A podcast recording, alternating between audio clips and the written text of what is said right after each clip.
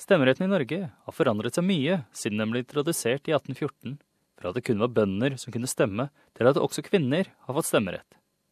I dag er det allmenn stemmerett i Norge, og det diskuteres fortsatt flere endringer for å utvide manntallet.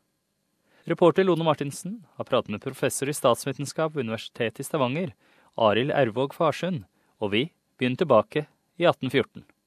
Grunnloven i 1814 innførte jo for første gang stemmerett for norske innbyggere. da, At velge en nasjonalforsamling i Norge. Og Den hadde jo da en stemmerettsalder på 25 år. Og så var det forutsetninger om at det skulle være menn, og at de skulle ha et visst omfang på eiendom, formue. Som oftest var da jordeiendom. da, At de var bønder, vil vi vel kunne si at de aller, aller fleste var. Noen få var byborgere. da. Jeg tror ikke man i hele tatt tenkte på at kvinner kunne få stemmerett i 1814. Videre forteller Farsund at det var et prinsipp om at folket skulle få være med og påvirke staten, men samtidig var man skeptisk til å gi stemmerett til alle menn. Det er vanskelig å finne konkrete tall på hvor mange det egentlig inkluderte, men det antas at det var mellom 20 og 25% av norske menn som hadde stemmerett de første ti årene. Det var bondemobiliseringen som førte til at du fikk en interesse for å delta i valg. Da. Vi ønsket faktisk å begrense statens utgifter. Så etter hvert så fikk vi også styrking av den nasjonale selvfølelsen. Man mente at det var viktig at norske stemmer ble hørt overfor kongen, som da satt i Stockholm. Så det var nok en gradvis mobilisering av norske velgere. Utover på 1800-tallet starta moderniseringa av det norske samfunnet, og det gikk fra å være et bondesamfunn til å bli et industrisamfunn. Samtidig med utviklinga ble det et større spørsmål om også vanlige folk, de som ikke hadde eiendom, skulle få stemmerett. Fra 1898 så fikk alle norske menn stemmerett i kommunevalg og stortingsvalg. Og da var det jo kort vei til å tenke at hvorfor skulle ikke kvinner få stemmerett? I 1910 fikk kvinner rett til å stemme ved kommunevalget, og tre år senere fikk de også lov til å stemme ved stortingsvalget. Det betydde jo at alle kvinner fikk lov til å delta i valg, på lik linje med menn. da. Og det var jo etter en eh, kamp om likestilling da, som var inspirert bl.a. av utviklingen i andre land. Nå kan du stemme i Norge så lenge du er myndig. I dag så skal jo i utgangspunktet de, alle som er myndige i Norge kunne delta i valg, men med den begrensning at i stortingsvalg så må du være norsk statsborger, og ved kommune- og fylkestingsvalg så må du ha en viss botid. Man har bodd noen år i Norge for å få den stemmeretten. da. Hvis vi ser på stemmerettens historie i Norge, hva vil du si er liksom den største forandringa som har skjedd? Altså, det kan jo si at det er tre, kanskje fire sånne nøkkelforandringer. For det første er det jo innføringen av direkte valg, eller valg av politikere etter Grunnloven i 1814.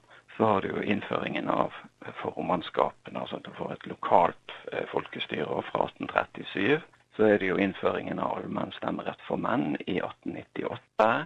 Og så har det selvfølgelig da til slutt den store revolusjonen, egentlig. For det var jo da største andelen fikk stemmerett, med kvinnenes stemmerett fra 1913. Hos menn så ble det gradvis utviklet, men så var det for kvinner var det nærmest en sånn big bang, at alle fikk samtidig.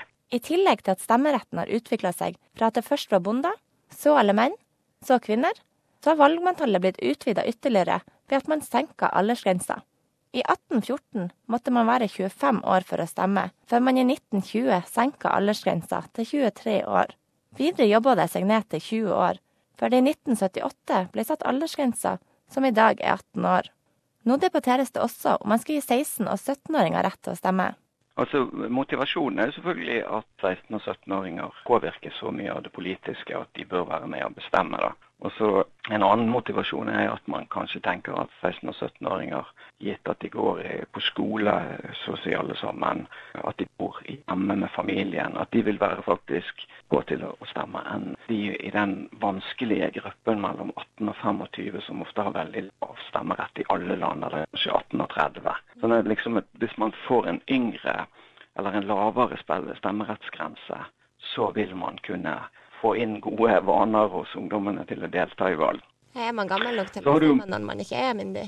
Ja, nei, Det er jo et veldig godt spørsmål. da. Altså, Nettopp denne med at eh, stemmeretten er knyttet til myndighetsalderen. sant? I Norge så får vi jo mange retter og plikter ved 18 år. Vi har fortsatt verneplikten, selv om det er færre som faktisk gjennomfører verneplikt i dag. Så er det en plikt som kommer med myndighetsalderen. Det, det er mange ting du kan gjøre fra du er 18 som du ikke kan gjøre når du er 16. Så i teorien, så hvis med 16 års aldersgrense, så kan du bli statsminister, men du kan ikke kjøpe øl, du kan ikke kjøre bil. Han forteller at det er et argument mot å gi 16- og 17-åringer stemmerett, fordi det gjør stemmeretten for enkel. Samtidig er modenhet noe som ofte blir tatt opp i debatten, hvor det argumenteres med at de unge lettere vil kunne bli påvirka av både venner og familie til å stemme det samme som dem. Det er jo litt sånn rart argument, for det, det liksom, har det så mye med alder å gjøre? At andre kan påvirke stemmegivningen? Det tror jeg er mer et sånt åpent spørsmål, da. Tror du det ville hatt eh, mye påvirkning på valget om 16- og 17-åringer fikk stemme nå til høsten? Det er vanskelig å si. Det kunne kanskje flyttet noen mandater. Samtidig så er jo det er jo ofte nye bevegelser som har mest appell hos ungdommen. Sånn at det kunne jo være at noen av de, f.eks. Miljøpartiet, kunne fått en større andel stemmer hvis de aller yngste fikk stemmerett. Men samtidig er jo befolkningen i Norge blir jo eldre og eldre, sånn at velgere over 70 er jo en rask voksende gruppe òg, da.